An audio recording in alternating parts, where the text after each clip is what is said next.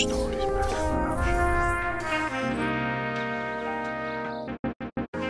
Welkom bij een nieuwe aflevering van Creatieve Klank van Zaken met Henk en Freek. En we hebben natuurlijk een hele interessante gast vandaag. Het topic is koude acquisities, maar wie is onze gast Henk? Eh, nou, dat ga ik je vertellen. Die, ehm, een heel bijzonder eh, gast is het wel. Want deze persoon is, heeft zijn werkcarrière is die begonnen bij BNN. Spuiten en slikken. Dus hij heeft eh, hele gore dingen meegemaakt. Eh, moet je zo maar even wat over Ja, vertellen. Volgens mij heb je ook Geraldine Kemper van dichtbij. eh, die heb je, ja? Ja, vervolgens is die doorgepompt naar, ehm, hoe heet dat bedrijf nou ook alweer? Mr. President. Die presentaties maakte voor bedrijven. En eh, vervolgens een stap gemaakt en nu CEO van Oh, oh. 23G. COO of CEO? COO. Oh. Dat zei ik Oh. toch? Ja, ja, ja. ja. Bijna. Eh, jullie zitten op de Kratonkade, fantastische locatie. Daar zit je, al, zit je al een tijdje. En eh, hij woont ook toevallig tegenover me. Het Oh. is eh, Michiel Schipper. Yes. Welkom. Dankjewel. Leuk om er te zijn, jongens. En eh, ik ben benieuwd wat we vandaag allemaal gaan bespreken. Ja. Ja, nou ja, de eh, grote vraag is natuurlijk... ehm, heb jij, voordat je bij BNN werkte, eh, iets aan school? Of ben je in één keer bij BNN beland? Nee, ik heb echt een enorme mooie school, schoolcarrière achter de rug. Ja? En ja, echt, ik heb alles gezien van hoog tot laag. En nou, laten we daar maar meteen mee beginnen. Ik wist namelijk op jonge leeftijd wel al dat ik meteen bij een reclamebureau wilde werken. Het is nou niet dat ik nu een reclamebureau werk, maar dat is wel iets wat ik eh, al meteen op vroege leeftijd wist. Dus na de basisschool eigenlijk eh, naar de middelbare school, waar ik heel graag naar Montessori wilde, waar jij eh, ook volgens mij hebt gezeten. Ik had daar twee oudere zussen zitten die het flink voor mij verpest hadden. Die zijn daar echt door het ijs gezakt. Dus meneer Mangert, de oud schooldirecteur daar, die... eh, die- Weilen, Weilen. Ja, hij is, hij is er helaas niet meer. Ehm, die heeft toen gezegd, nou, het lijkt ons niet een heel goed plan dat we een derde schipper eh, op deze school krijgen. Dus eh, Wat kijk, dan? kijk lekker rond. Ja, mijn zussen hebben het gewoon volledig Jij mocht daar niet op school komen? Ik eh, was daar niet, eh, het was niet een, een, een, match make eh, from heaven. Dus ik ben op het Libanon terechtgekomen. Ook heel leuk, Kralingen. Ehm, mooie tijd gehad. Grap is wel dat ik zoveel op Montessori te vinden was... dat er op een gegeven moment op de reunie eh, mensen waren... die zeiden van, hé, maar je zat toch bij mij in de klas? En dan zong ik even snel Montessori-lied... en dan geloofden ze me helemaal. Dus dat was hartstikke leuk. Maar eh, nee, schoolcarrière, om eh, antwoord te geven op je vraag... Ehm, middelbare school, nou, van hoog tot laag. Uiteindelijk, ik zat op de HAVO brug, of brugklas. Nou, dan mocht ik eh, na een paar maanden kwam ik thuis met mooie cijfers, tienen en dat soort dingen. Dat ik zei, nou, ik mag misschien Grieks en Latijn erbij gaan doen. Dus mijn ouders dachten, zo, dat gaat goed. Maar twee maanden later kwam ik erachter dat je ook, eh, nou, dat er vriendinnetjes waren, eh, schoolfeestjes, bier drinken, dat soort dingen. En toen, nou, dat vond ik allemaal heel erg mooi. Dus dat was eigenlijk in twee maanden eh, later zat ik eh, in één keer op de toren op MAVO, zoals velen van ons. Dus dat was Jezus, even, man. even afgezakt. Helemaal afgegleden. Helemaal afgegleden. eh, maar ook een school bij mij om de hoek bij mijn ouders. ehm, wat lekker was. Die heb ik nou, goed doorlopen. Diploma gehaald. Knap. Ja, heel knap.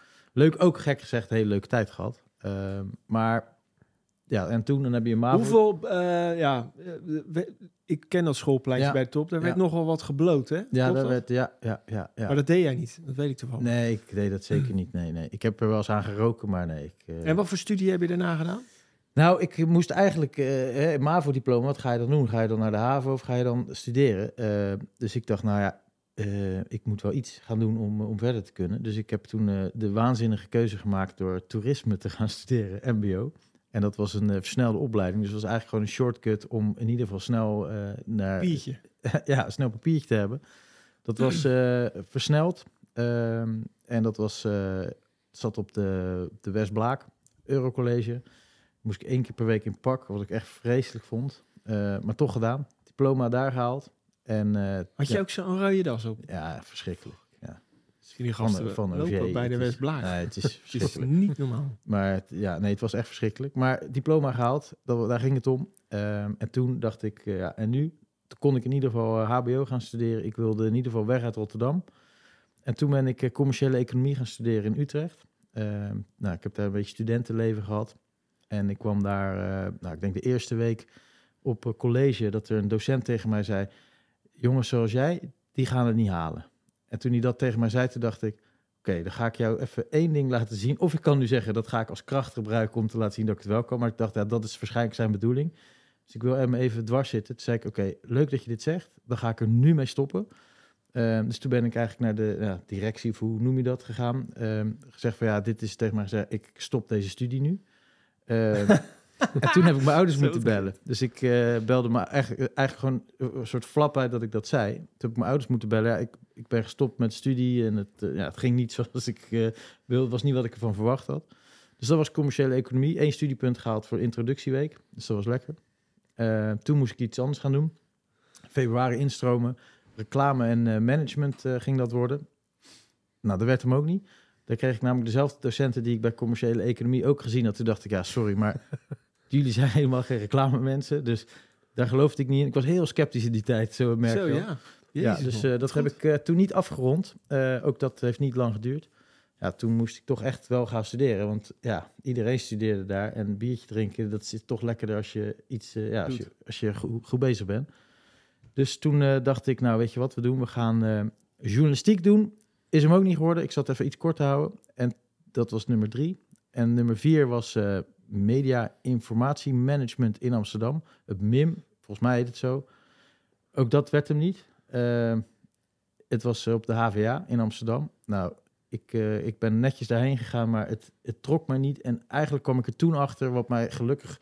Nou ja, het had heel veel ellende kunnen voorkomen. Maar wat ik eigenlijk heel veel jonge mensen wil meegeven... is dat je iets moet doen waar je achter staat. En ik stond gewoon heel eigenwijs niet achter de mensen die mij dingen gingen leren. Ja. Eh, het was uit een boek en ik dacht, ja, jij kan dit wel zeggen... maar waarom sta jij dan voor de, voor de klas dit te vertellen als je het zo goed weet? Het is natuurlijk niet een hele aardige eigenschap voor mij... maar het is ook een beetje, het, ja, je bent jong... En toen eh, had ik een eh, vriendinnetje destijds en die kende een school in Amsterdam ook. En daar werd alleen maar lesgegeven door ondernemers. Dus dat waren ondernemers die eh, naast het, eh, hun eigen bedrijf of, eh, of een bedrijf hebben gehad, eh, ook les gaven. En dat was Hoe heet die school? de New School. Dus een, een, een concept uit New York. Een, een New Yorkse vrouw die ooit in Nederland is gekomen. Die heeft dat opgezet. Kleine klassen, echt gericht op de, op de inhoud en dus uit, uit de praktijk.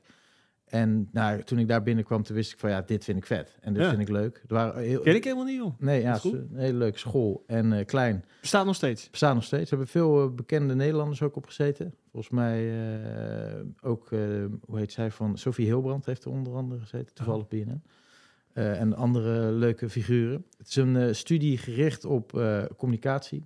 Com- het is Communication of Information Services. Marketing gericht, eh, maar ook vakken zoals fotografie, graphic arts. eh, eigenlijk vrij breed, ook journalistiek. Kan elke munk daar opkomen? Mm, eh? ja, nou ja, het is een HBO-opleiding. Maar wat ik daar het leukste aan vond, is dat er bijvoorbeeld ook vakken zoals organisatiepsychologie, die heel serieus klinken en, en ook zijn, waarvan ik niet echt bestaan af wist. Maar als daar iemand voor de school of voor de klas staat die daar echt praktijkervaring heeft en, en vertelt over hoe het gaat in, het, in de Mhm. werkende wereld, toen dacht ik van zo, dit is vet. En op die vakken haalde ik dus ook gewoon de cijfers die, ja, die, waar je gewoon blij mee bent. Dus eh, dat heeft ervoor gezorgd dat ik eigenlijk eh, mijn diploma heb gehaald door eh, ja, te leren van mensen waar ik... Hoe lang was die studie dan? officieel is dat ook een versnelde opleiding. Dus ik heb dat in iets meer dan twee jaar gedaan. Dus het is een, ja, normaal is het volgens mij vier, vier jaar voor een HBO-opleiding. en dit is twee tot drie jaar. Dus eh, inclusief stages is dat. Ja, het is natuurlijk ook wel beter als je eh, leert van mensen die het hebben gedaan. Tuurlijk, die, ja. die, die uit ervaring spreken in plaats van dat je uit het boek iemand die, die totaal niet... Als ik dat had geweten, was ik er ook heen Ja, en dat, dat zeg ik Jij ook niet? wel. Ja, Ja, voor mij geldt wel dat ik denk van ja, ik heb al die... eh, het zijn aardig wat studies die ik gezien heb en allemaal een beetje de massa waarvan ik denk... Mhm. eh, Nederland heeft echt wel goede opleiding en het is allemaal goed geregeld. Maar ja, ik was gewoon zo eigenwijs. En ik had ook liever gewoon meteen de goede keuze gemaakt. Eh, hè, meteen op zo'n school terecht eh, gekomen. Ehm, en ja, maar aan de andere kant heeft het me ook gevormd. ja misschien Ja. heeft het ook, weet je, heb je, moet je ook eerst zien hoe het niet Ja, werkt om Ja. te waarderen hoe het dan anders kan. Ja, ik heb in ieder geval niet opgegeven om te blijven studeren, want ik heb ze echt allemaal gezien. En, eh, Maar je hebt echt Ja. niet opgegeven. nee, Dat Nee. vind ik wel wat voor te zeggen. ja. Ja, dus Knap. toen, eh, ja, toen eindelijk een diploma, eigenlijk is dat eh, de eerste stap richting het eh, echte werkende leven. Ik had een stage bij BNN, waar ik mocht blijven plakken. Dus ja, dat was de eerste stap naar het leven. Want dat spuit en slikken. Vertel Ja. daar eens wat over. Hoe, Nou ja, de grap je is- daar iets over? Iets, want even over Geraldine Kemper. Heb Ja. jij die nog meegemaakt of niet? ja, het was haar eerste jaar dat zij eh spuiten deed. Hij heeft, hij heeft om een bepaalde reden heel veel interesse in één Ja, één stukje, van het ja, programma. ja. Nou, zij was toen, ik denk, de Ja. meest begeerde vrouw ter wereld. Bij Henk. Bij Henk. Bij Henk. Juist, ja, Ja, dat ja. klopt, ja. Ja. Nee, ja, ik... eh Geraldine had toen het jaar ervoor eh Sterretje gezocht eh, gewonnen. Ja. En dat betekende dat zij dan een programma bij BNN eh, mocht gaan presenteren. Nou, dat deed ze als samen met Nico, eh, Nicolette en Zaraida. En zij was zeg maar de, eh, ja, hoe noem je dat? Eh, zo iemand bij de radio, heb je zo'n soort sidekick, zeg maar. Dus zij Mhm. was, ze was niet meteen de hoofdpresentatrice, maar ze deed wel inderdaad items.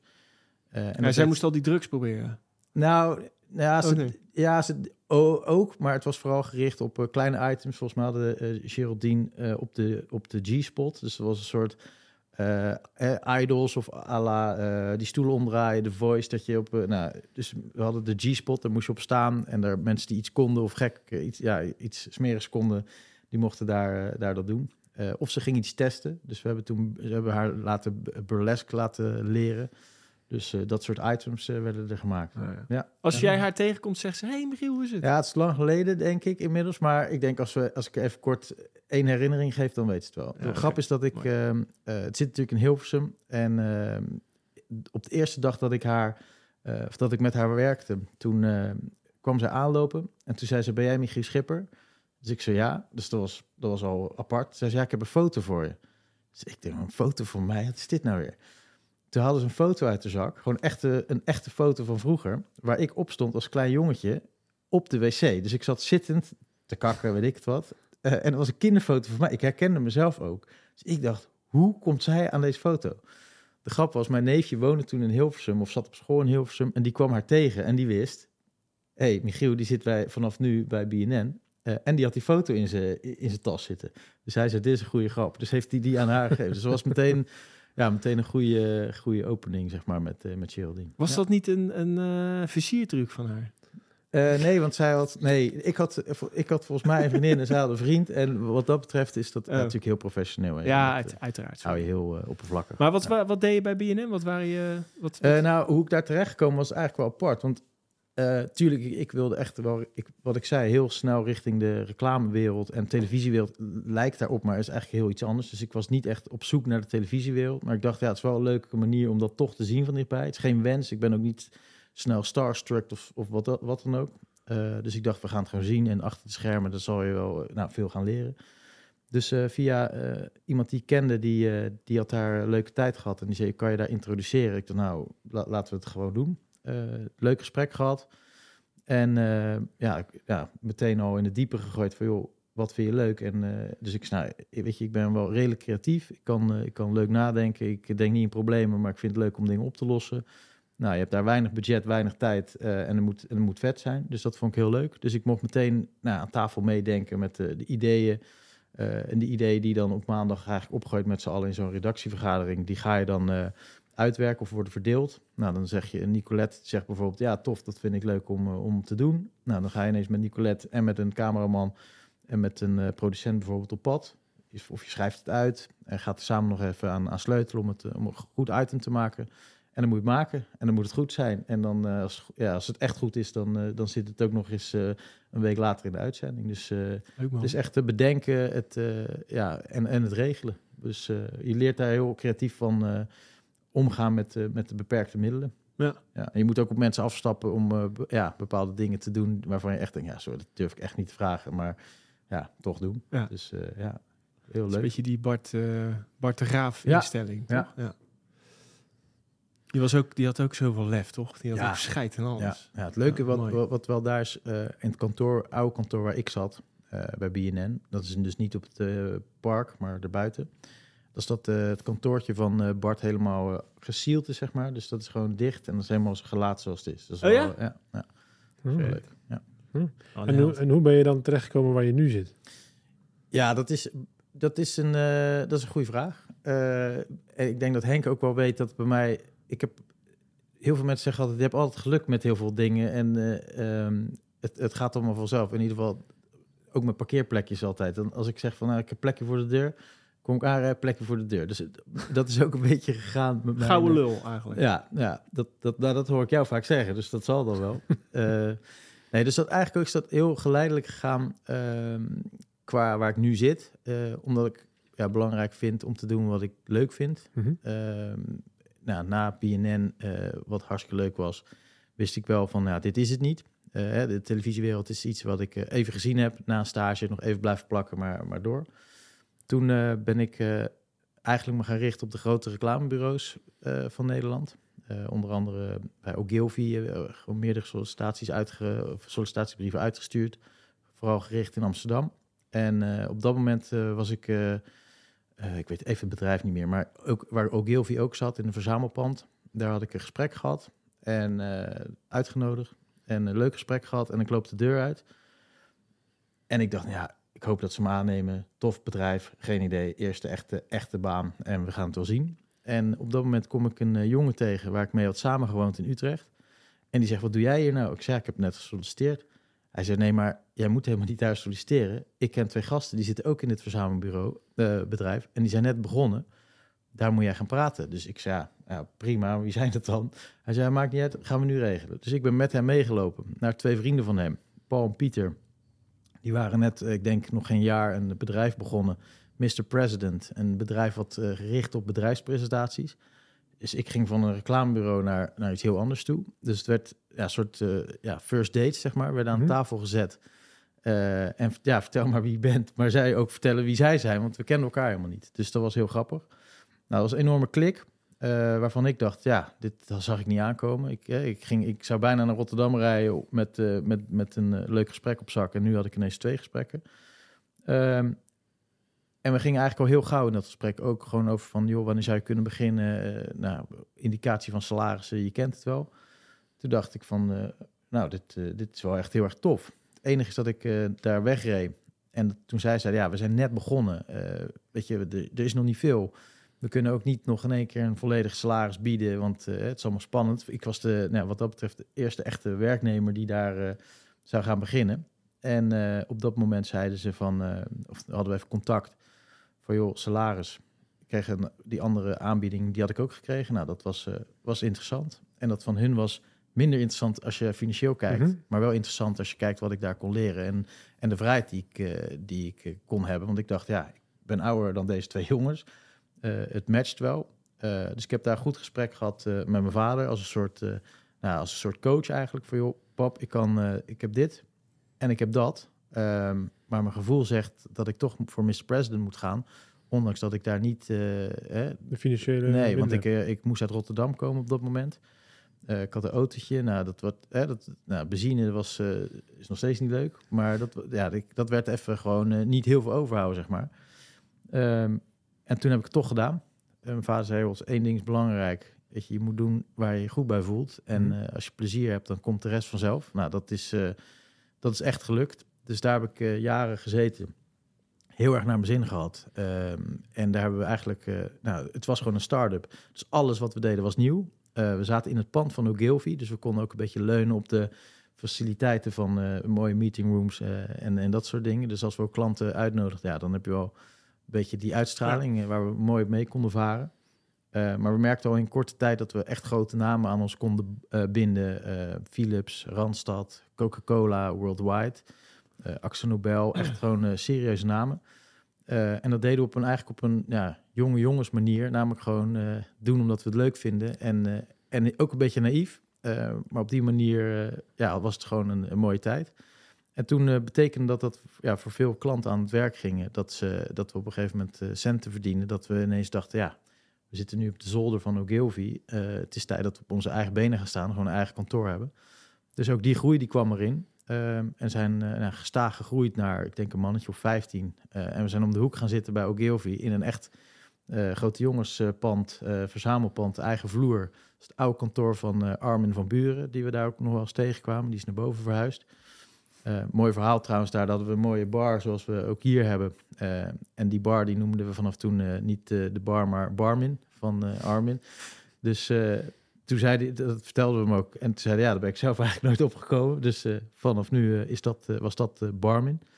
Maar dat is even de tijd, zeg maar, van de start. Mr. President nou, werd internationaal. Dat kwam doordat we gewoon iets deden wat anderen niet deden. Namelijk gewoon hoog niveau presentaties maken voor, eh, nou ja, dat is een heel vreselijk woord, maar ik ga het toch zeggen, C-level niveau. Dus zeg maar het CEO niveau eh, presentaties. Eh, Mhm. Vaak ook echt wel high confidential spullen waar we mee moesten werken. En wat wij heel goed konden met het team, dat was de vertaling maken naar iets wat echt gewoon bijblijft. Dus storytelling was toen een enorme fancy term, Mhm. maar dat was het ook eigenlijk. Dus wij konden heel goed eh, droge stof goed vertalen naar een verhaal wat blijft plakken. Eh, aan de hand van ook goede visuals. Nou, Prezi in die tijd was een, een, een leuke tool die we veel gebruikten, maar dat was niet het enige wat we toen gebruikten.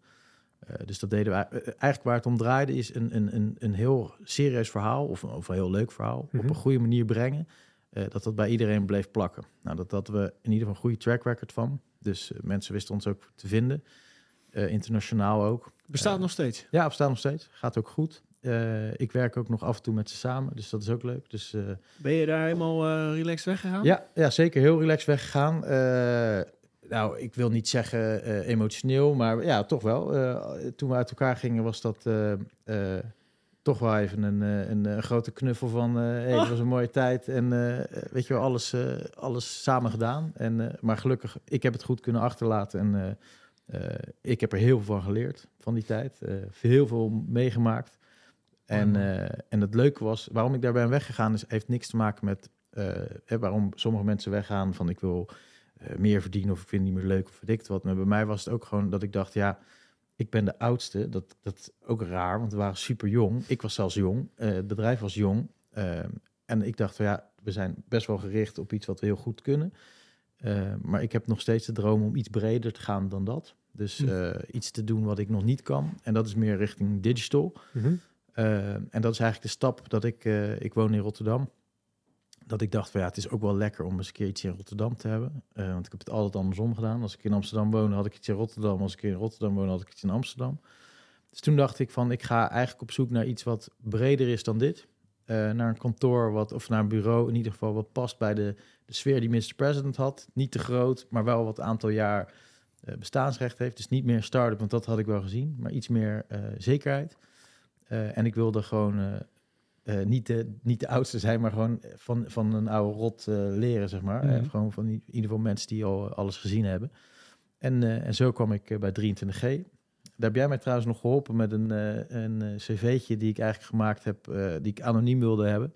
Dus ik heb daar nou ja, eigenlijk een soort profiel gemaakt van uh, niet mijn volledige naam, want ik kende Mhm. al mensen bij 23G. Dus ik wilde echt dat ik aangenomen werd op wat ik kon en niet op de naam, uh, want ik kende via via iemand die, uh, die Ah, oké. mij naar binnen kon brengen. Dus ik heb dat uh, op, ja, op die manier gedaan. En nou, ik kwam naar binnen en ook dat was een beetje zoals bij Mr. President was.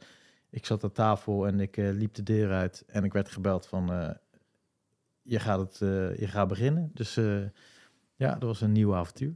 Ah, nee. Ja, Tof man. Ja. Ja, dat klinkt goed. Ja, en wat zijn nou de werkzaamheden? Want we gaan het er zo over hebben. Gaan Ja. we nog iets dieper op 23G. Maar wat, ehm, wat, wat, wat doen jullie?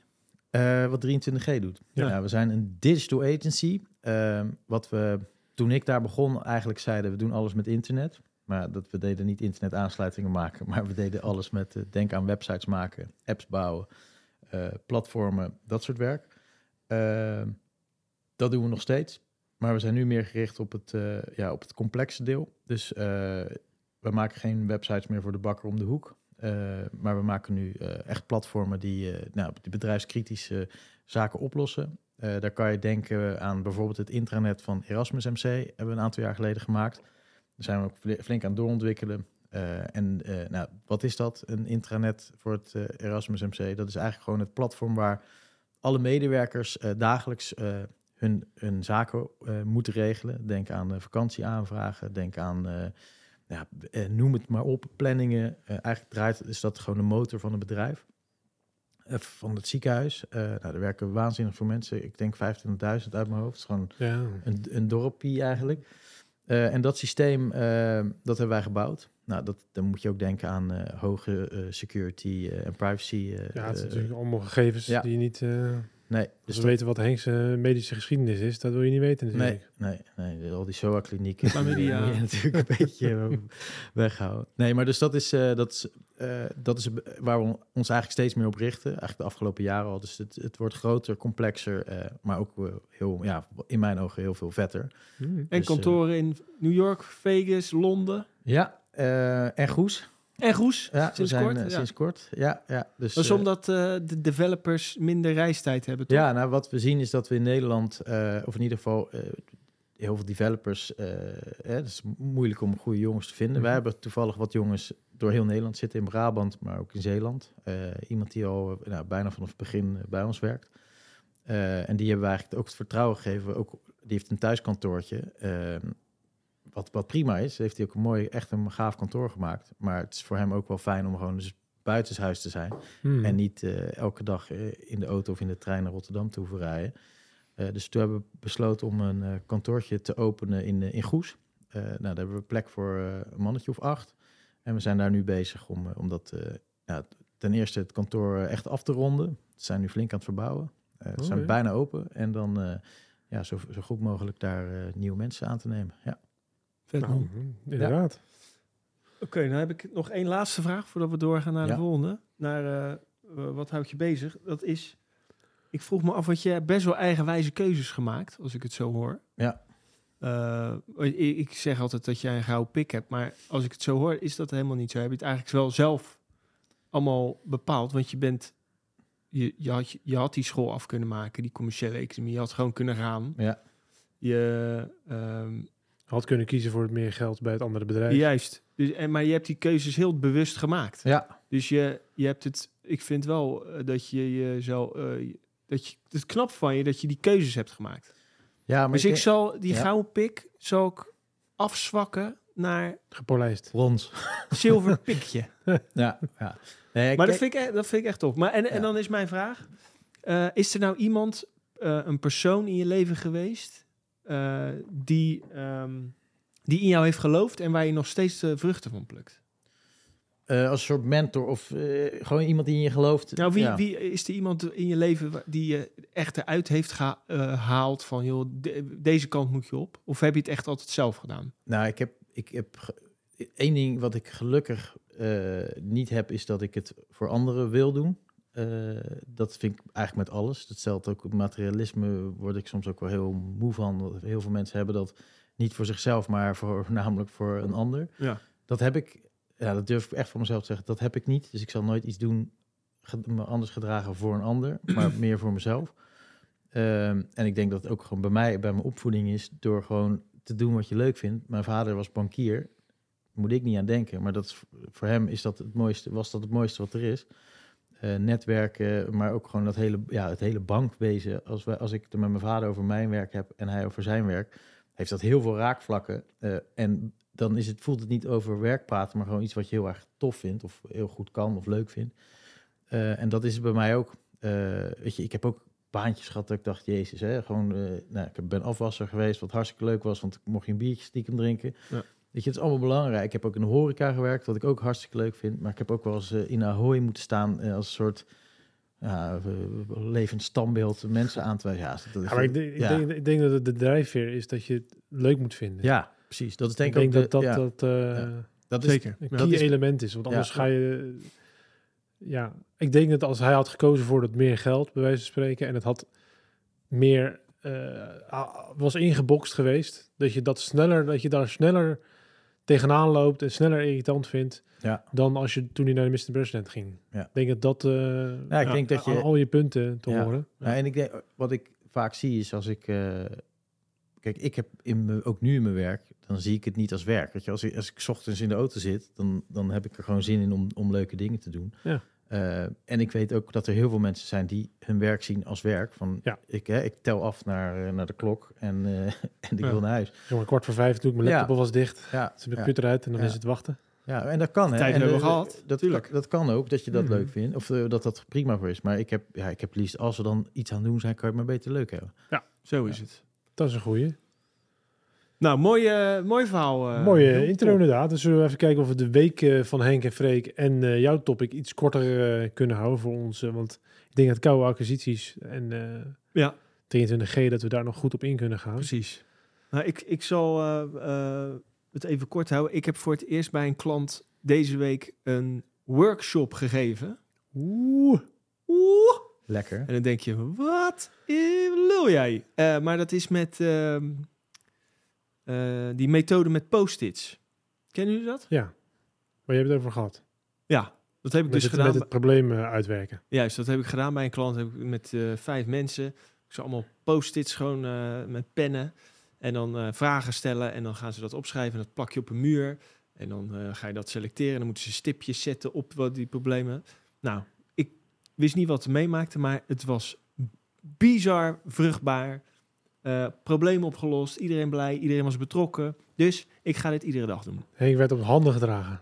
Nou, ze zeiden echt, Henk, wat, wat leuk dit. En zelfs de, de secretaresse die zei, nou, ik vind het zo leuk. Ik, er wordt naar mij geluisterd. En was het een testcase of is dit iets wat je wil gaan doen? Ik wil dit eh, gaan doen. Vaker. Je, mag, me- je mag jezelf niet coach noemen, hè, want dan breekt onze relatie direct. Dat snap je Ja, natuurlijk wel. ja, I know. Maar eh, trainer dan. Expert. Ja, alle allergie van de coach. Expert. Nee, Ja. ik, eh, ik, ik, ik, Problem ik, solver. ik heb, eh, solver, nee, maar ik doe gewoon die dingetjes. Dat Je is onderdeel van mijn eh, workflow. We noemen jou gewoon dan, je moet dat bedrijf starten, Mr. Wolf. Ik ga helemaal geen bedrijf starten, man. En dan bellen ze jou in Ja. voor als een probleem is. Mr. Wolf. Juist. Is toch Eh, een goeie? en dan, en dan iedere keer zeggen dat de koffie lekker is. ja. Juist. Toch? Ja. Een soort cleaner, dat is Mr. Wolf, toch? Ja, inderdaad. Dan kom jij het probleem even Ja. oplossen. Ja, maar Ik dat dus. Dus eh, pak. maar als jullie... eh, Nou, ik eh, wil wel, heb jij dat wel eens gedaan? Ik kom, Zeker, eh, ja. ja. Ik kom een keertje bij je kijken. Is goed. Eh, mijn eh, week was, ik had twee dingen, ik zal het ook kort houden. Ik was in eh, Griekenland en we hadden een leuk huisje gehuurd. Maar ik verbaasde me over dat er gewoon shit wifi was. En dan weet ik wel dat ik zit te bitchen. Omdat je hebt natuurlijk onbeperkt op je telefoon. Maar je wilt toch s'avonds een keertje een film kunnen streamen naar je En tv. niet eh, tegen je wijf hoeven te praten. Ja, dan denk ik bij mezelf, je hebt een heel huisje gebouwd met een zwembad in de tuin en dit en dat. En denk ik, je kan niet maar waar, waar was jij, man? op Zakynthos, maar je kan niet 50 euro voor, voor, voor een routertje neerleggen. Wat is het nou voor gezeik? Waar, waar ligt Zakynthos? Daar hebben ze helemaal geen routers Ja, meer. ze hebben overal internet. Al die restaurants, al die toko's. Dan denk ik bij mezelf, het is echt... Het is dan zoiets wat dat gaat aan mij vreten, weet je. Dat ik daar dan niet relaxed kan zitten. Je hebt Ja. wel wat anders gedaan, hè, daar.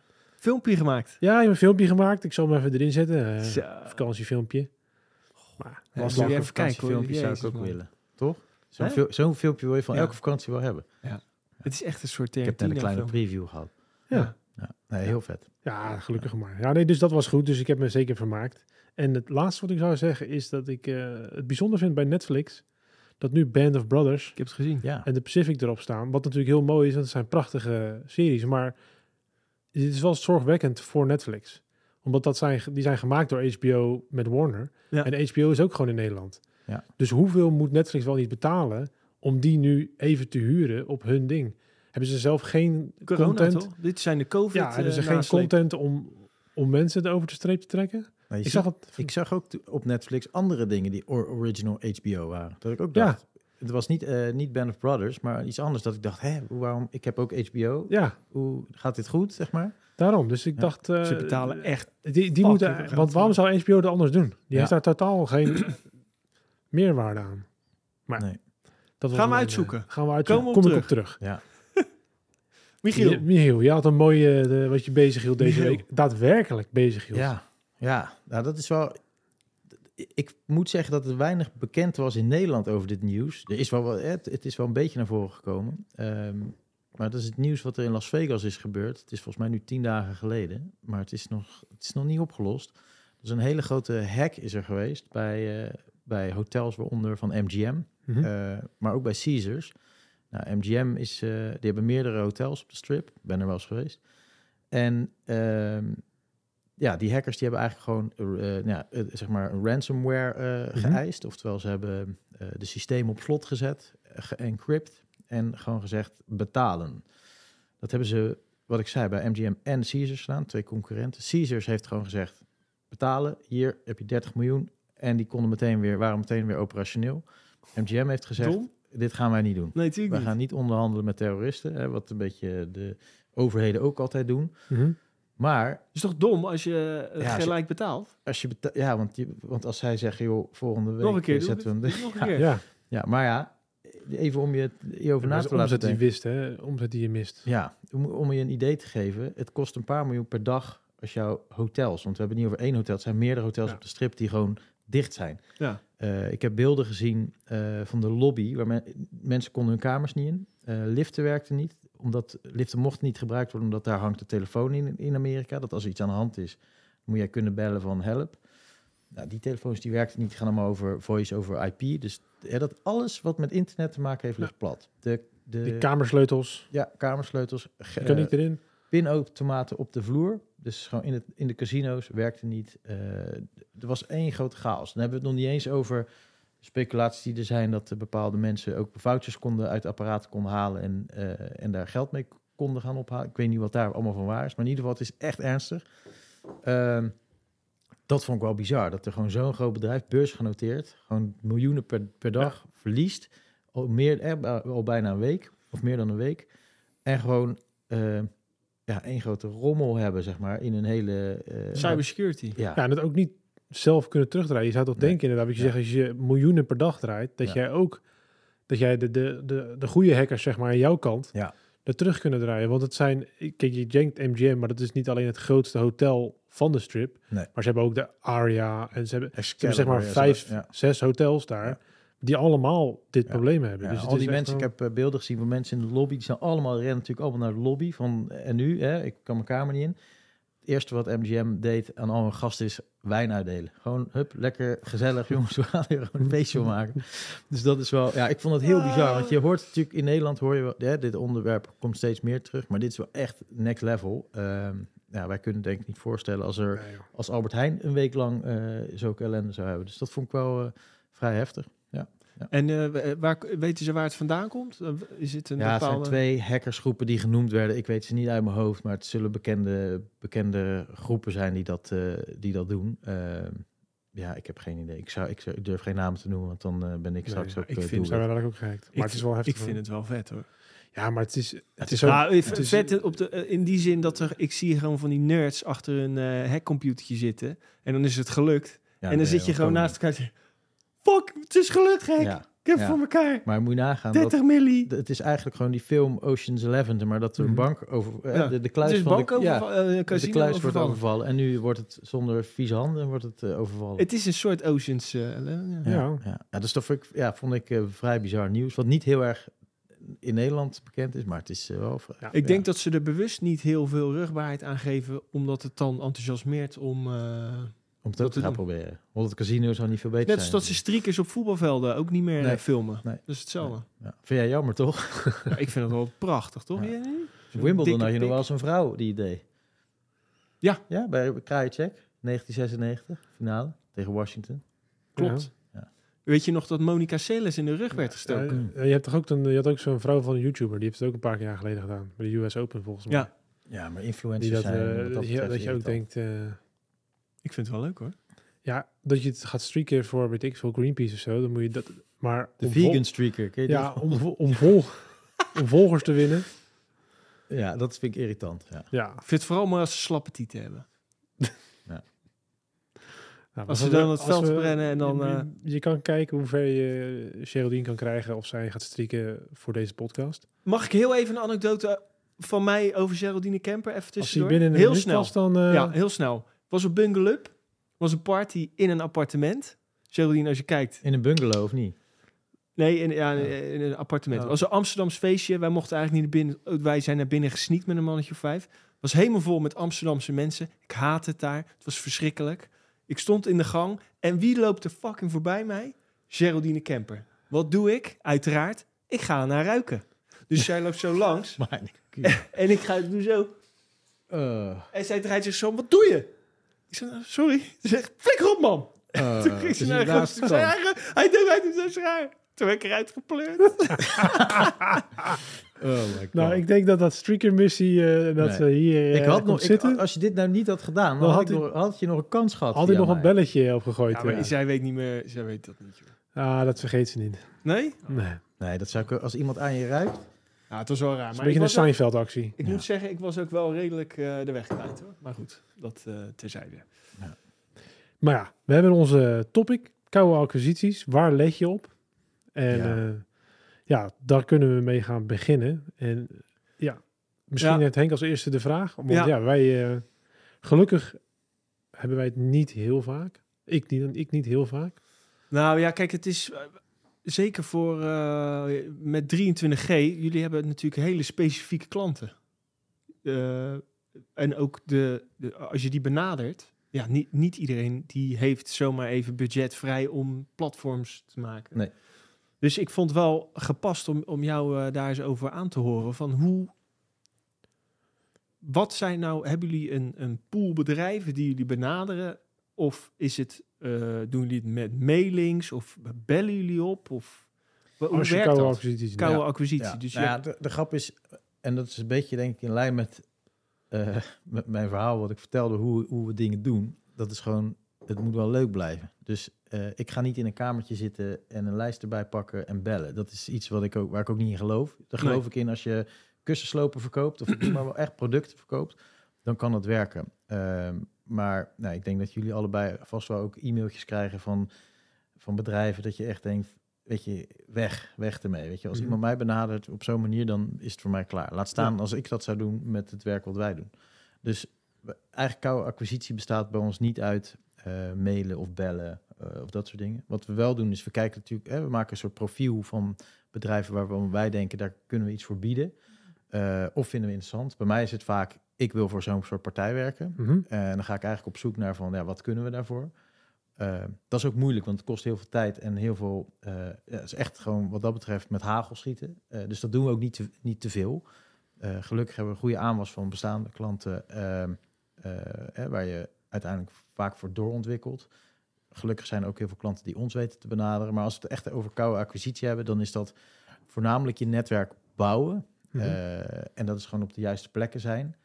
Eh, dat betekent niet dat je elke vrijdag in de kroeg staat eh, en daar eh, platformen of weet ik veel wat verkoopt. Maar het is gewoon goed dat je je netwerk opbouwt, niet misbruikt, maar wel gebruikt.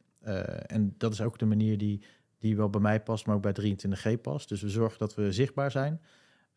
We zorgen dat we echt wel wat doen op sommige plekken. Denk aan LinkedIn of mensen benaderen. Maar het is nooit eh, dat ik eens een, eh, een bedrijf... Ik heb het wel eens gedaan, eh, maar het is niet dat ik een, een, een bedrijf zo erbij pak en zeg, die ga ik bellen. Nee. Ik zorg altijd dat ik in ieder geval kijk van wie ken ik daar, is het interessant? En ik zorg eigenlijk dat het, nou eigenlijk een beetje op de manier hoe jij, waarom ik in deze podcast zit, jij begon erover. Eigenlijk heb ik een beetje jou gebruikt, ik hoorde jou erover praten, ik werd er enthousiast van, omdat ik het leuk vind dat je dit doet, jullie doen. Dus ik heb jou eigenlijk weten te overtuigen dat ik hier zit, zonder dat je het in de gaten hebt. En dat is eigenlijk ook hoe ik het zie met klanten of, hè, of qua acquisitie. Van ik zorg dat ik er gewoon ben en, en je hebt zelf niet eens in de gaten dat je mij nodig hebt. ja, ja. Dus dat is een beetje hoe ik het, eh, hoe ik Ah, het die zie. gozer mij gewoon erin houden. Nou, jij, jij hebt mij uitgenodigd, toch? Natuurlijk. Ja, maar, maar- en, en Ja. zijn er bepaalde criterium die een bedrijf moet hebben voordat het voldoet in jouw perfecte klantje? Waar zijn dan, bij wijze van spreken, als je een app, wat dan ook, Ja. voor wanneer is het een meerwaarde voor een bedrijf? Wat jij denkt van, ah, weet je, voor jullie kan ik wat betekenen. Nou, dat is, heel, dat is een hele moeilijk, dat is een hele goede vraag, maar ook heel moeilijk om te bepalen. Ehm, kijk, ik, er zijn genoeg bedrijven waarvoor ik graag zou willen werken. Ehm, Mhm. Nou, laten we even een, eh, noem even een BMW bijvoorbeeld. Hè? Het is niet, eh, niet dat die bij mij op, op bovenaan de lijst staat, maar ik noem even een Mhm. automerk, BMW. Nou, daarvan weet je, hoe zijn die georganiseerd? Zijn die eh, centraal georganiseerd vanuit Duitsland? Of zijn, de- is daar in Nederland iemand eh, verantwoordelijk voor? Of mogen ze het allemaal zelf bepalen? Nou, als, je, als je dat weet, eh, hè, dat ze het zou bijvoorbeeld nou, in Rotterdam, weet je, daar zit BMW die. moeten we natuurlijk wel even eentje noemen. Breeman bijvoorbeeld. Breeman inderdaad, ja. Ehm, eh, stel je voor, ik, ik benader BMW Breeman.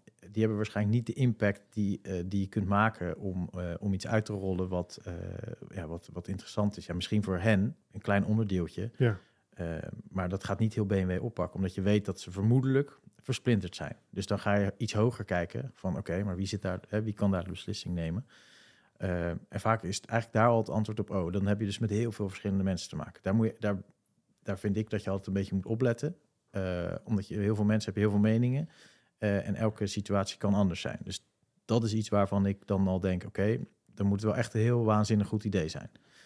Ehm, dus dat is, dan weet je al, dat is moeilijk om te benaderen. Wat, je dan, wat ik dan doe, is bijvoorbeeld kijken, oké, in mijn netwerk. ehm, ik, we houden gewoon even BMW als voorbeeld. Oké, ik weet dat dat reclamebureau, en daar ken ik die, die werken ook wel eens voor. Die hebben een keer een kleine campagne gedaan voor BMW. Nou, dan schakel je eigenlijk met iemand die je kent van, hey, wat hebben jullie gedaan? Eh, hoe zit dat? En eh, is daar meer mogelijk? Vaak campagnematig werk, dat doen wij ook wel eens. Eh, dat is vaak kort en wat dat betreft ook betaalbaarder. Ehm, en dat kan dan een goede mogelijkheid zijn om bijvoorbeeld een in te zorgen eh, dat je eens een keer iets doet. Eh, dus stel voor BMW, ik wil BMW, zou ik graag willen binnenhalen. Nou, ik weet dat BMW Global, dat is even te hoog gegrepen. Nederland, dat zou mooi zijn. Maar lokaal, dat is te klein. Dus hoe Mhm. gaan we dat doen? Nou, dan denken we aan een campagne die, eh, nou, niet, dan gaan we niet dat reclamebureau kopiëren, maar dan gaan we een campagne denken die wij zouden kunnen doen, hè, die Mhm. waarde toe eh, eh, kan brengen. Ehm, en dan proberen we de juiste mensen te benaderen binnen BMW. Nou, laten we Breeman noemen. Van joh, Breeman, we zouden dit kunnen doen. Nou, dan worden zij hopelijk enthousiast van dat idee. Misschien is het te duur of is het, zien ze de waarde nog niet. Hoe ziet dat idee eruit? Is, Ja. dat, is, is dat met beeld of is dat puur... Nou, me- puur meestal wat ik doe is, ik heb, in, ik heb wel in het verleden wel veel tijd erin gestopt dat, dat je echt te- ver gaat eigenlijk. Mhm. Eh, dan, en dat is, dat je er gewoon een dag mee bezig bent? nou ja, misschien zelfs wel meer. En, Ja, eh, ja, plan bedenken, vooruitschrijven, uitwerken. Ja, en maar de grap is vaak, en dat bedoel ik helemaal niet verkeerd, maar vaak doe je dat uit een onzekerheid. Ja. Dat je het allemaal wil doen om het dan maar te kunnen verkopen. En ei- wat ik, ja, wat ik de laatste tijd merk is dat hoe minder je doet, kijk, je moet in je kop zitten, het moet wel goed zitten, je moet over nagedacht hebben, maar als je het kan overtuigen zonder al die dingen, dan Mhm. weet je zeker dat het goed is. Niet dat dat, dat is niet, gaat niet altijd op, maar dus ik ga naar BMW, eh, voorbeeld, ik ga naar BMW, ik vertel het verhaal, het is te groot voor ze. Nou, dan kun, kan ik met ze bepalen van, joh, is dit dan niet interessant om dat met die, die en die te doen? Als dat ja is, ja, dan heb je een topverhaal. Dan ga je het plan eigenlijk pas maken. Of in ieder geval, dan ga je het visueel maken en dan ga je, want dan heb je al een beetje een, eh, een goede band met, die, eh, met diegene waar je het plan Mhm. als eerst hebt neergelegd. Maar dan weet je, ja, dan moeten we die, die en die ook nog meekrijgen. Dan ga je plan echt maken. En, en dat doe je met simpele manieren door eh, nou ja, een presentatie te maken. Groot, groot hun eigen naam, groot hun foto's met eh, dingen die zij gaaf vinden om terug te zien. Nou, BMW. Dat heb, je dan, dat heb je dan allemaal gevraagd, dus dan weet je dat. Ja. Ja, Want zo'n gesprek, jij leidt zo'n gesprek toch? Hm. Met zo'n eh, zo'n eerste gesprek. ja, Dan ga je er naartoe. Ja, ik ga. Kijk, de koude acquisitie, dat, ont, dat, dit- ja, wat ik zei, dat gaat niet de telefoon oppakken en, eh, en mailing sturen. Dat is, dat is gewoon vaak via via. Of gewoon dat je denkt, Ja. ik wil die benaderen. Dus dat kan koffie zijn, een koffietje drinken. of dat kan gewoon wel een meeting zijn waar je gewoon vertelt wat je doet als bedrijf. En ook gewoon, gewoon dat je eerlijk vraagt, joh, wat, doe, wat is jullie technische roadmap voor de komende tijd? Hè? Waar zijn Mhm. jullie mee bezig? En kijk, ik ben niet een, eh, een eh, salesman, zo zie ik mezelf ook niet. Ik, weet je, ik verkoop echt geen, eh, geen echte producten, maar ik Maar dat, ja, dat, dat maakt je juist wel misschien een salesman. ja, Omdat je nou ja, geen... ik denk dat je beter verkoopt door, ehm, door samen te kijken van wat je kunt oplossen of, of goed te kijken naar de wensen die er zijn, in plaats van iets te, er doorheen te willen duwen. Juist, ja. En weet je, dat heb ik, heb ik ook allemaal gedaan. Ik heb het ook geprobeerd. Weet je, ik heb ook bedrijven benaderd met waanzinnige ideeën. Dat ik dacht, ik geloof in dit idee en je bent echt stom dat je dit niet snapt. Ja, en als je er nu aan terugdenkt, denk ik, ja, dus, eh, ja, dat snap ik wel dat ze het niet hebben gedaan. Weet je, maar dat is gewoon, dat is ook gewoon vlieguren maken. Ja. Eh, kijk, Want uiteindelijk kom je erachter dat je gewoon ja. alleen maar naar die klant moet luisteren. Ja, en ja, het gewoon is- moet eh, dienen, zeg maar. Nou ja, Toch? n- nee, dat, nou, nee, daar ben ik het eigenlijk niet mee eens. Dat doen wij ook niet. Ik ook niet. Wat wij doen is, ja, je moet heel goed luisteren.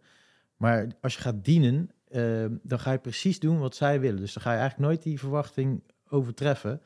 Eh, want dan is het van, ik wil ABC. En dan ga jij dienen en dan ga je ABC doen. Ja, ik, ik, dienen is, ik bedoel, Ja, ja, dienen maar- van oké, ja en aan, maar dienen is ook een soort eh, advies geven, Ja, ja, maar eh, bij ons de dat- richting opduwen. Ja, eh. we, we hebben wel leuke voorbeelden dat wij advies wat wij doen is eigenlijk vaak haaks op waar een klant mee komt. En dat klinkt vaak schrikken mensen daarvan. We zijn wel ook heel snel heel eerlijk in in onze wat gesprekken. bedoel je daarmee dan?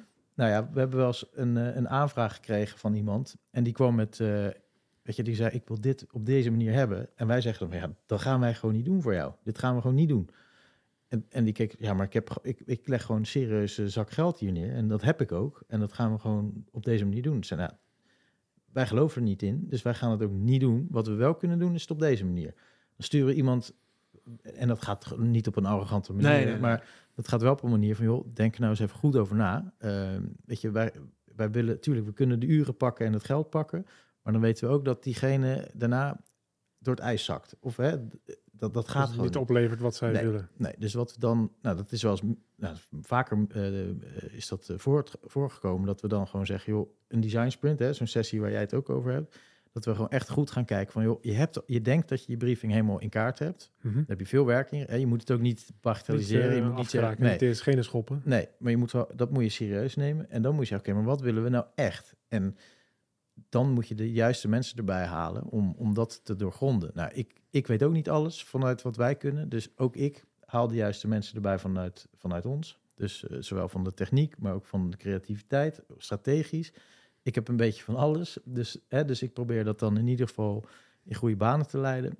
Eh, en vaak zie je daaruit, doordat je gewoon kritisch, echt goed luistert, maar ook kritisch bent op hoe je er zelf tegenaan kijkt, dat je toch vaak een verandering ziet in de briefing die er uiteindelijk eh, gevraagd werd. En zijn het bijna altijd problemen? Of is het meer eh, makkelijker maken van het lopende iets? Ja, nou, het is, wij zijn goed in het complexe simpel maken, maar ook het simpele complex maken. Dus, ehm, maar het mooiste is natuurlijk om iets eh, wat complex is, heel simpel te maken. Eh, dat, dat is wat ik eigenlijk voor mezelf ook vaak doe. Als ik het kan uitleggen aan eh, iedereen bij ons op kantoor, waar ik, waar ik het zojuist over heb gehad, ja, dan, dan is dat goed. Weet je? Dan, dan kan je het simpel maken. Of dat je het bijvoorbeeld thuis aan de, aan de keukentafel kan, Kan uitleggen wat je doet.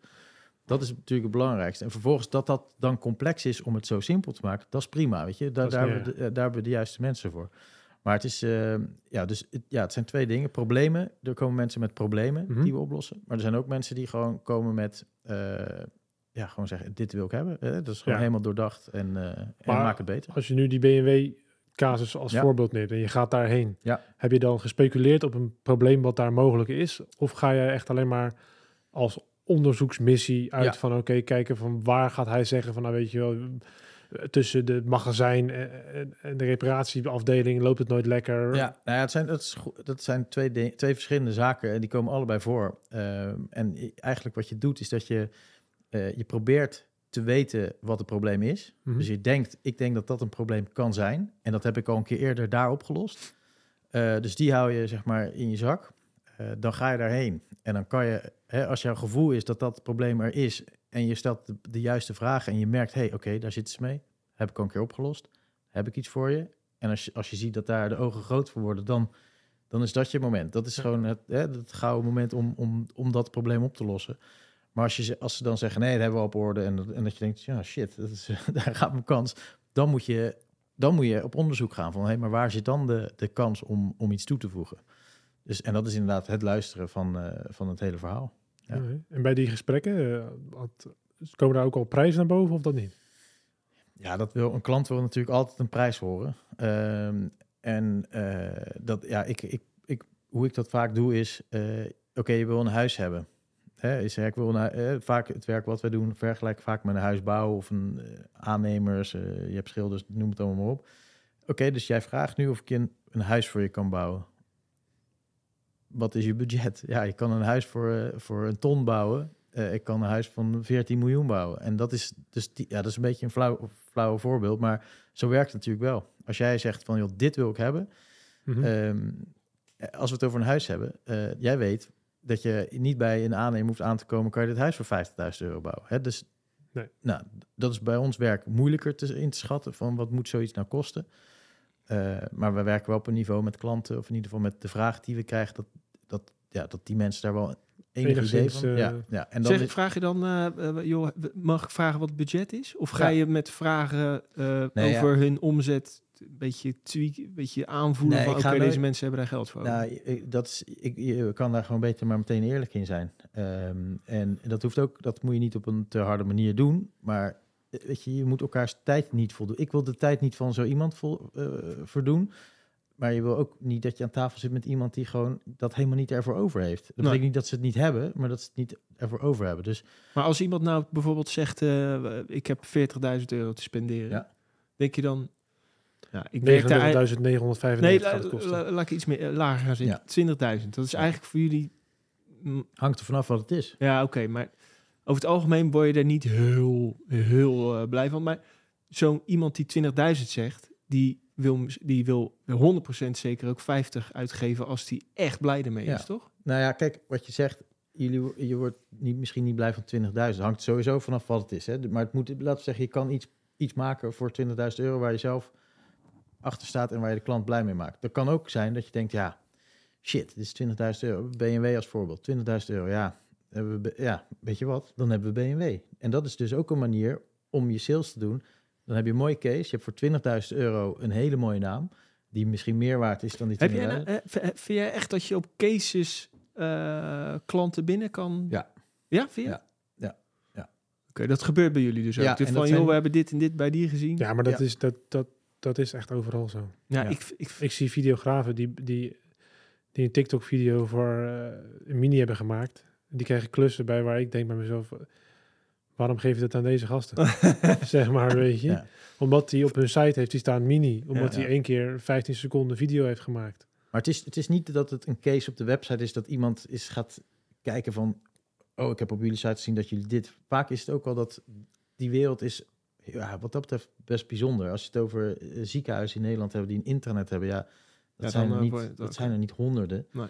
Die wereld is ook vrij klein. Eh, dus hè, ook op die manier hebben we voor meerdere ziekenhuizen zaken gedaan. Ja. Ehm, en ook vanuit de zorg weer de andere kant op. Ja, je vergroot dus, eh, gewoon het netwerk ja, mee. ja. Maar jullie bouwen ook apps, toch? Ja. Ja. En eh, wanneer verdient een website of een bedrijf een app?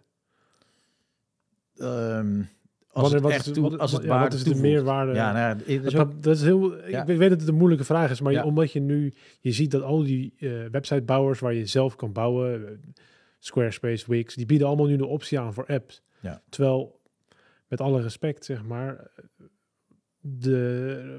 Mag waar- ik één ding zeggen daarop? Waar ik Dus mijn voetbaltafelballetjes koop, die, heb ik, die hoef ik niet als app. Die Nee, maar de enige reden waarom je een app wil eh, als bedrijf zijn, is dat je notificaties kan sturen. Ja, ja. Maar ik, Dat is de enige het, het is reden. meer zo van wanneer vindt en hij met zijn bedrijf, zeg jij tegen die mensen van, want het kan ook zomaar zijn als we, stel je voor, ik kom bij jou en ik zeg, ja, ik wil een app, want dan ga ik meer klanten binnenhalen en ik heb er 50.000 euro voor over. Dat zou Ja. een hele goede eh, zak geld voor hun zijn. Maar dan zou hij ook kunnen zeggen, van, ja, maar voor jou heeft het gewoon totaal geen zin. Dan ben je 50.000 euro verder en dan heb je een app die niemand downloadt. Maar dat zou hij dus doen. Ja. Dat zou Nou ja. hij, jullie zouden zeggen, joh, dat gaan we niet doen, want Nee. dat Nee, levert zouden- niks kijk, op voor jullie. Je hebt natuurlijk verschillende soorten apps. Mhm. Ehm, container appie, gewoon, gewoon dan heb je je website in een appie en dan heb je er wat mee. Ja, als een klant dat echt wil, dan doen we dat. Maar het liefst bouwen we natuurlijk apps die waarde toevoegen. Dus dat het echt, echt iets is waar je iets aan hebt. Eh, Zijn er dan speerpunten die, je daar, die een website heeft, dat je zegt van, oké, weet je, dit, jullie hebben er meer aan als je het als app hebt. Ja, ik zou nooit aan een. Eh, Wat jij zegt, waar jij je voetbaltafelballetjes koopt. Nee, dat, dat zo ben ik ook. Die Ja. hebben geen app nodig. Ehm, er zijn bepaalde apps. We hebben bijvoorbeeld een klant die heeft alleen een app. Die heeft. Ja, de website is gewoon doorverwijzing naar de app. Dan ben je app only. Oh nee. Eh, daar geloof ik in. Want dat is, daar draait het om. Eh, dus ja, eh, Instagram heeft ook een website. En daar kan je net zoveel zien als dat je in je app kan zien. Maar ja, dat je, zo moet je kijken. Moet het, moet het gemak, de intu ja, intuïtie, hoe, of hoe je het gebruikt, dat, Mhm. moet, dat moet vooraan staan, moet waarde toevoegen. Dus ja, als ik eh, naar, eh, naar een site kan waar ik net zoveel kan, ja, waarom ga ik die app dan installeren? Ja. Dus het- is voornamelijk toegevoegde waarde dat het echt iets, iets kan wat je niet op, eh, ja, op, een, op een Ja. site kunt doen. En heb je een, Ja. een voorbeeld of een case gehad waarbij de app voor meer omzet zorgde voor het bedrijf? Dat is ehm, meerdere eigenlijk. En het hoeft niet altijd met omzet te maken Ja. te hebben, maar ehm, we hebben bijvoorbeeld ehm, eh, voor Linda Nieuws, jaren geleden is dat. Ehm, dat was van Linda, maar dan Linda Nieuws. Nou, die website, dat is puur content. Dat is gewoon een, een content website. Daar hebben we een app voor gemaakt. Ook een simpele app, maar wat die heeft, inderdaad, notificaties. Dus wij zagen op maandagochtend eh, al die berichten, dus alles staat natuurlijk, wordt allemaal ingepland. Ja, dan zie je een piekverkeer waar je helemaal bang van wordt. Dat alle, gechargeerd gezegd, alle vrouwen s ochtends Voordat ze eh, naar kantoor gaan, k- kijken ze nog even op hun telefoon. En eh, lezen ze het laatste bericht eh, van weet ik voor wie. En daar horen de advertenties bij natuurlijk. Die, dus dat, ja, dat zie je wel. Ja. ja, ja. En dat heeft waarde, weet je. Dat, dan dan ben, je, ben je er op dat moment. Je gaat, dus ja, ik denk op die manier. Ander voorbeeld is eh, die app die ik noemde, die alleen eigenlijk een app is. Dat is eh, Jump the Queue. Dat is eigenlijk een soort concierge, eh butlers-achtig iets in je, in je zak. Ehm, dat is een abonnement. Dan heb je een app in je zak waar je eigenlijk al je zaken geregeld krijgt. Dus als jij eh nou, je bent in Amsterdam op stap geweest, met, met de auto heen gereden en je denkt, ja shit, ik wil toch naar huis. Dan kun je gewoon daar in een, eigenlijk in een chatomgeving gewoon zeggen, hey, ik ben nu hier. Ik heb vanavond, wil graag mijn auto thuis hebben en eh, ik wil meerijden of niet. Of eh, kun je voor mij een hotel eh, overnachting regelen hier, ik heb dit budget. Ehm, en dat is echt in-app, dat is gewoon app-only, zeg maar. En dat Mhm. is, eh, ja, daar draait dat bedrijf op. Dus eh, dat doen we ook. Een soort butler. Batula. Keuken eh, voor pak peuken vragen. En ja, en de samenwerking tussen al die kantoren, Ja. werken die allemaal aan dezelfde projecten? Of Ja, de grap echt, is, eh, eh, de, hoe dat ingesteld is, is als volgt. Ehm, we zijn begonnen, een Rotterdams bedrijf. We- alles gebeurt ook in Rotterdam. In Goes natuurlijk ook straks. Eh, in eh, New York, dat is ons eerste kantoor wat we hebben geopend. eh, een paar jaar geleden. En dat hebben we gedaan omdat we, voor twee redenen eigenlijk. En omdat het heel tof is. Ik had het met Mr. President al meegemaakt. Dus ik wist al een beetje, nou ja, ik had daar veel van geleerd. eh, en ook zeker de kansen gezien. Ehm, dus en dat het leuk was, maar ook omdat we dachten, van, ja, we weten gewoon dat we best wel goed zijn. Eh, we kennen wat mensen eh, waar we voor zouden kunnen gaan werken. Eh, dus dat hebben we op die manier gedaan. We hebben een soort roadtrip gedaan door New York. Of eigenlijk ook naar de andere kant, ook naar LA en, en Las Vegas en nog andere plekken. Ehm, en de, de, het tripje was eigenlijk bes- bepaald om, of, ja, om te bepalen of, dat, of het, ja, of het, ja, haalbaar was? haalbaar was. Ja. Ja, dus dat was een hele leuke trip. Veel gezien, veel mensen gesproken. Ook weer goed je netwerk gebruiken. Eh, en op dat moment dat we daar in New York waren, eh, echt een mooie tijd om aan te komen. Namelijk eh 4th of July waren we daar. Dat is de grootste feestdag in Amerika. Niemand doet dan wat behalve drinken. Dus we hebben een hele mooie eerste dag gehad. Eh, dat, dat was sowieso top. Maar later hebben we zoveel mensen gesproken. ehm, en heel veel inzicht gekregen, heel veel bedrijven gesproken, heel veel Nederlanders die daar werken. Waar ga je dan heen? Nou ja, je gaat gewoon kijken Ja, in je netwerk van wie, je- of waar je afspreekt, bedoel je? Ja, we, sta je ineens in New York? Ja, Eh, ik- eh, Nee, kijk, je, wat, we, wat we doen, we maken natuurlijk eh, echt een, een planning waar je helemaal bang voor wordt. Helemaal gevuld met afspraken elke dag. Dus ik ben, weet je, je- Maar, oké, maar dat- dat, zijn van die dingen. Ja. Afspraken. Met Ja. wie? Hoe, Ja, hoe doe je dat? goed Bel naar- je ze op? goed naar je netwerk kijken van wie ken ik daar, Eh, wie kan me hierbij helpen. Eh, nou, eh, ik ben bijvoorbeeld bij mijn vader is ooit eh, bankier geweest bij ABN AMRO. Joh, wie ken je in New York? Ja, die, deze vent ken ik in New York, die zit daar en daar. Maar die bel je dan op. Ja, die bel je dan op. En dan hallo. zeg je, ja, nou, gelukkig was dit een Nederlander. maar van, die zat er al aardig wat jaar. Van joh, eh, ik ben bezig met 23G. We zijn aan de weg aan timmeren. En we willen, we willen New York onderzoeken. En kun, je daarbij ons hel- kun je ons daarbij helpen? Nou, dan zegt elke Nederlander vindt dat mooi. Dus ook daar zijn we bij ABN AMRO geweest. Eh, die, eh, nou, dan zit je aan tafel met echt grote, grote meneren die het alleen maar tof vinden. Ze hebben misschien niet iets voor je, maar ze vinden het wel tof om twee jongens uit Nederland te zien die, die gewoon in het willen vliegtuig stappen. Ja, ja. dus ook daardoor weer, hey jongens, goed om jullie te zien. Ik hou jullie in, mijn achterhoofd. En zo werkt het. Eh, nou, dat hebben we met meerdere mensen gedaan. En eigenlijk in die paar dagen dat we in New York waren, hadden we een getekende opdracht van iemand die dacht, ja, nu, ik, ik neem jullie gewoon serieus. Weet je wat, we gaan dit gewoon doen. Dus toen hadden we een, een, eh, een eerste getekende opdracht. En toen dachten we, ja, we zijn toch gek ook als we nu eh, weer naar Nederland gaan en er niks mee doen. Dus toen hebben we besloten om gewoon een WeWork eh, daar te, te huren. Dus dat zijn gewoon flexplekken. Ze hebben daar gewoon een kantoor met, eh, met special postal services. Dat we ook gewoon toffe dingen in Amerika kunnen bestellen die je niet in Nederland kan bestellen. dat is ook belangrijk. Goed om Dus- te weten voor ons. Ja, ja dus nou, we hebben meerdere adressen nu, dus eh, laat maar weten. Nee, dus dat hebben we op die manier zo gedaan. We hebben echt wel gekeken of we iemand konden aannemen in New York voor de sales. Hebben we kort even gedaan, maar we merkten gewoon dat dat, je moet daar zelf zijn.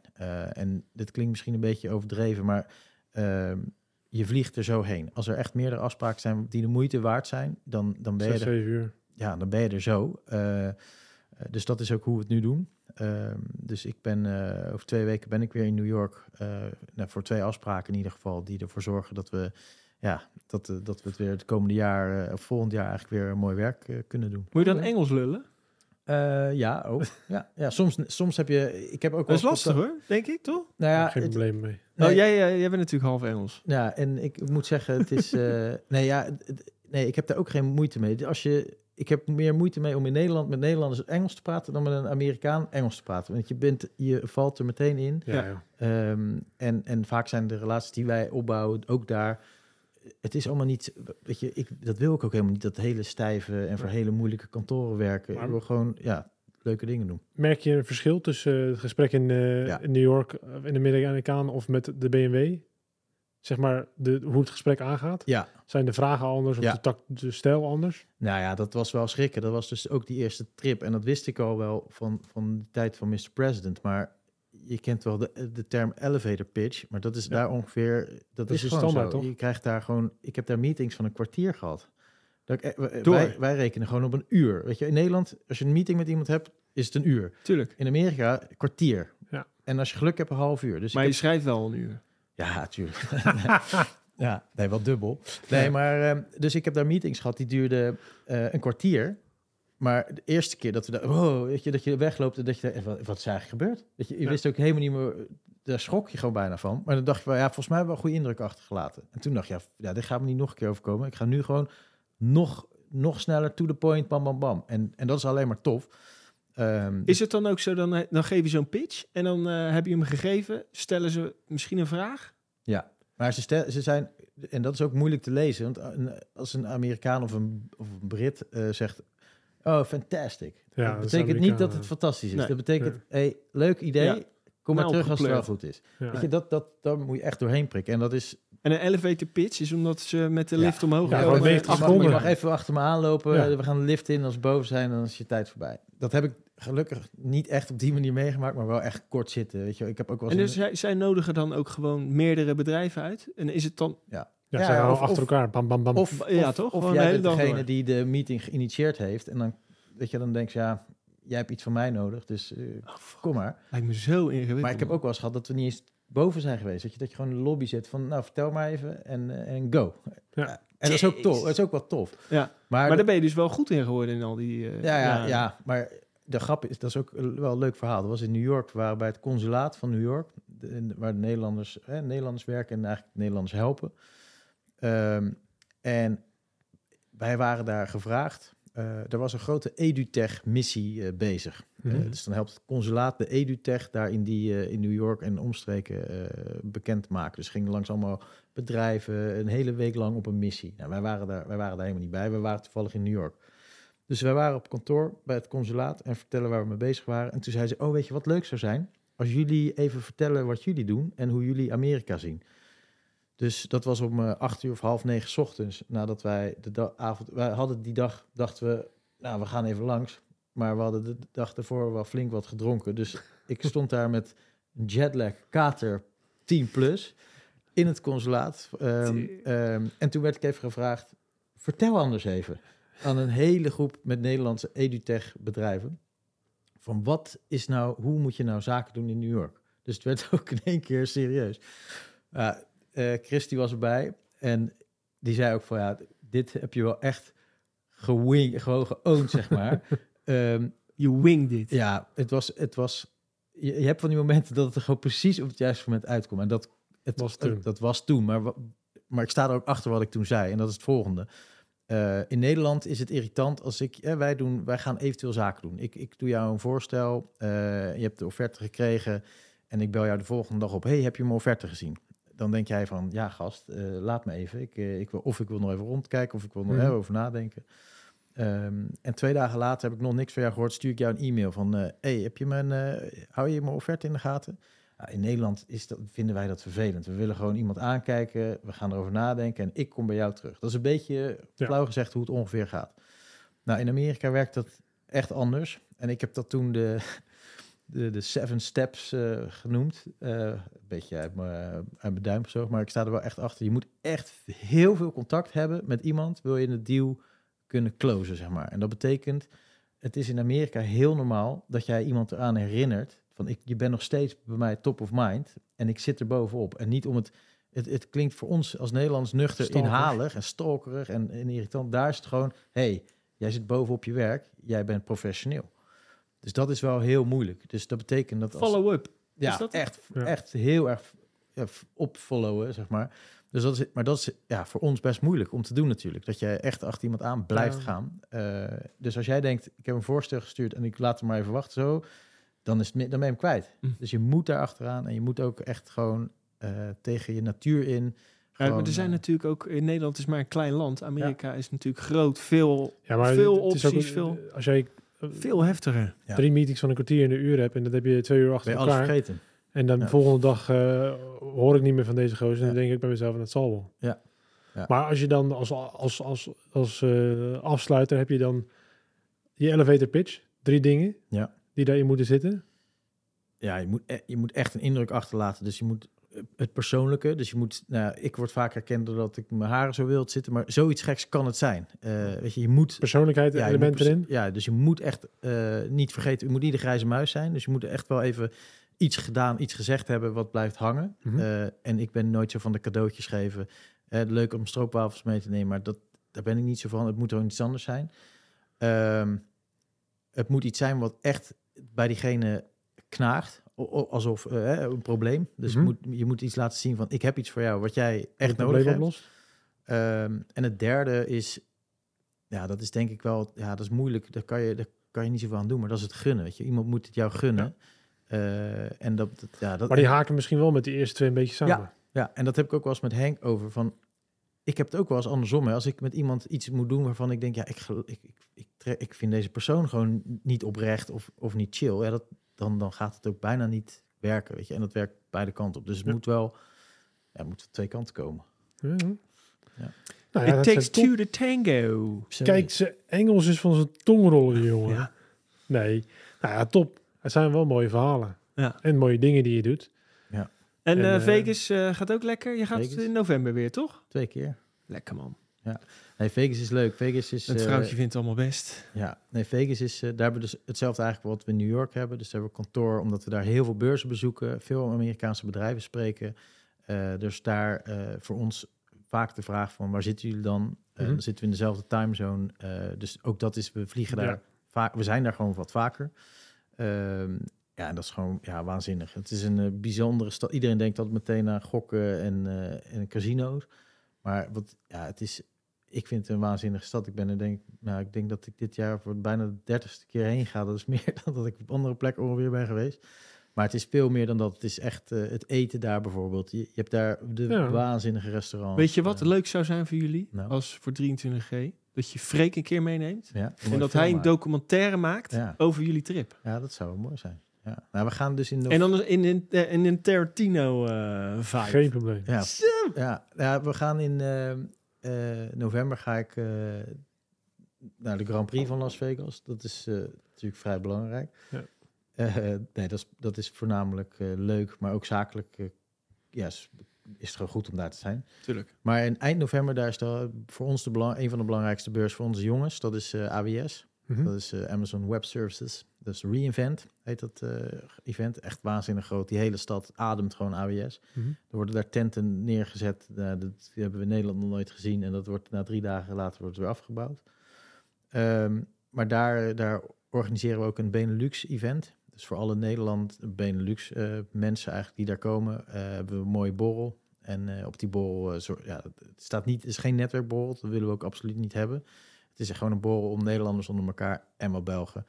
Eh, om ja, gewoon lekker onder elkaar daar de, de strip eh, onveilig te maken. Vorig jaar hadden we daar een, eh, Nederlandse volkszanger die gewoon Nederlandstalig over de strip eh, nummers eh, zong. Dus dat is wel waanzinnig. En dat is wel, dan is het ook heel tof eh, om Nederlander te zijn en, eh, en dat je Ja. Amerikanen ziet, dat je denkt, wauw, die gasten zitten aan de bitterballs. Juist. En eh, ja, dus dat is wel, eh, wel tof. Ja. man.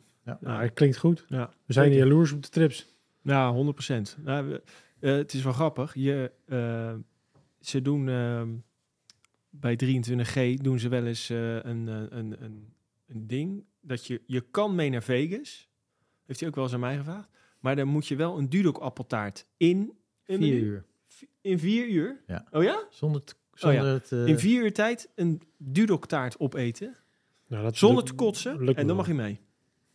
Maar vier uur, ik dacht dat het een half uurtje was of zo. Nee, vier. Ik, ik, ik, ik- er zijn... eh, Het is echt probeer vaak- het. Ja, ik het heb mensen... Nog nooit Ik heb mensen echt overmoedig het zien doen en dichtbij zien komen, maar het is niet Het gelukt. is nog nooit gelukt, hè? Nee. Nou, eh Ja, ja, dus daag me niet uit. Ik hè? heb ze groter dan jij gezien hoor, de jongens. Ja, maar vroeger was ik altijd de, de two pizza freak. Echt Dan waar? stelde ik al geregeld twee pizza's als avondeten. Hoor. ja, nou, dan, eh, Dus dat... eh, ik zou het gewoon, ik zou het thuis eens oefenen en dan... eh, Nee, doe jij nou maar gewoon geen pizza vreten, maar gewoon gaan filmen daar. Dat is Dat is beter. goed. Nou, Hey, dat was bedankt een, eh, eh, Michiel dat je er was, man. leuk jongens. Is echt jullie te wel. gek. Mooie verhalen. Mooie verhalen, goede tips. Ja. En eh, zo komen we weer een stapje verder. Ja, Ja. Goede reis dadelijk. dankjewel. Hopelijk kan je je hotel boeken. Ja, ja, dat Hij zit nu ook in een hotel, dus dat eh Ja, in Rotterdam. verbouwing.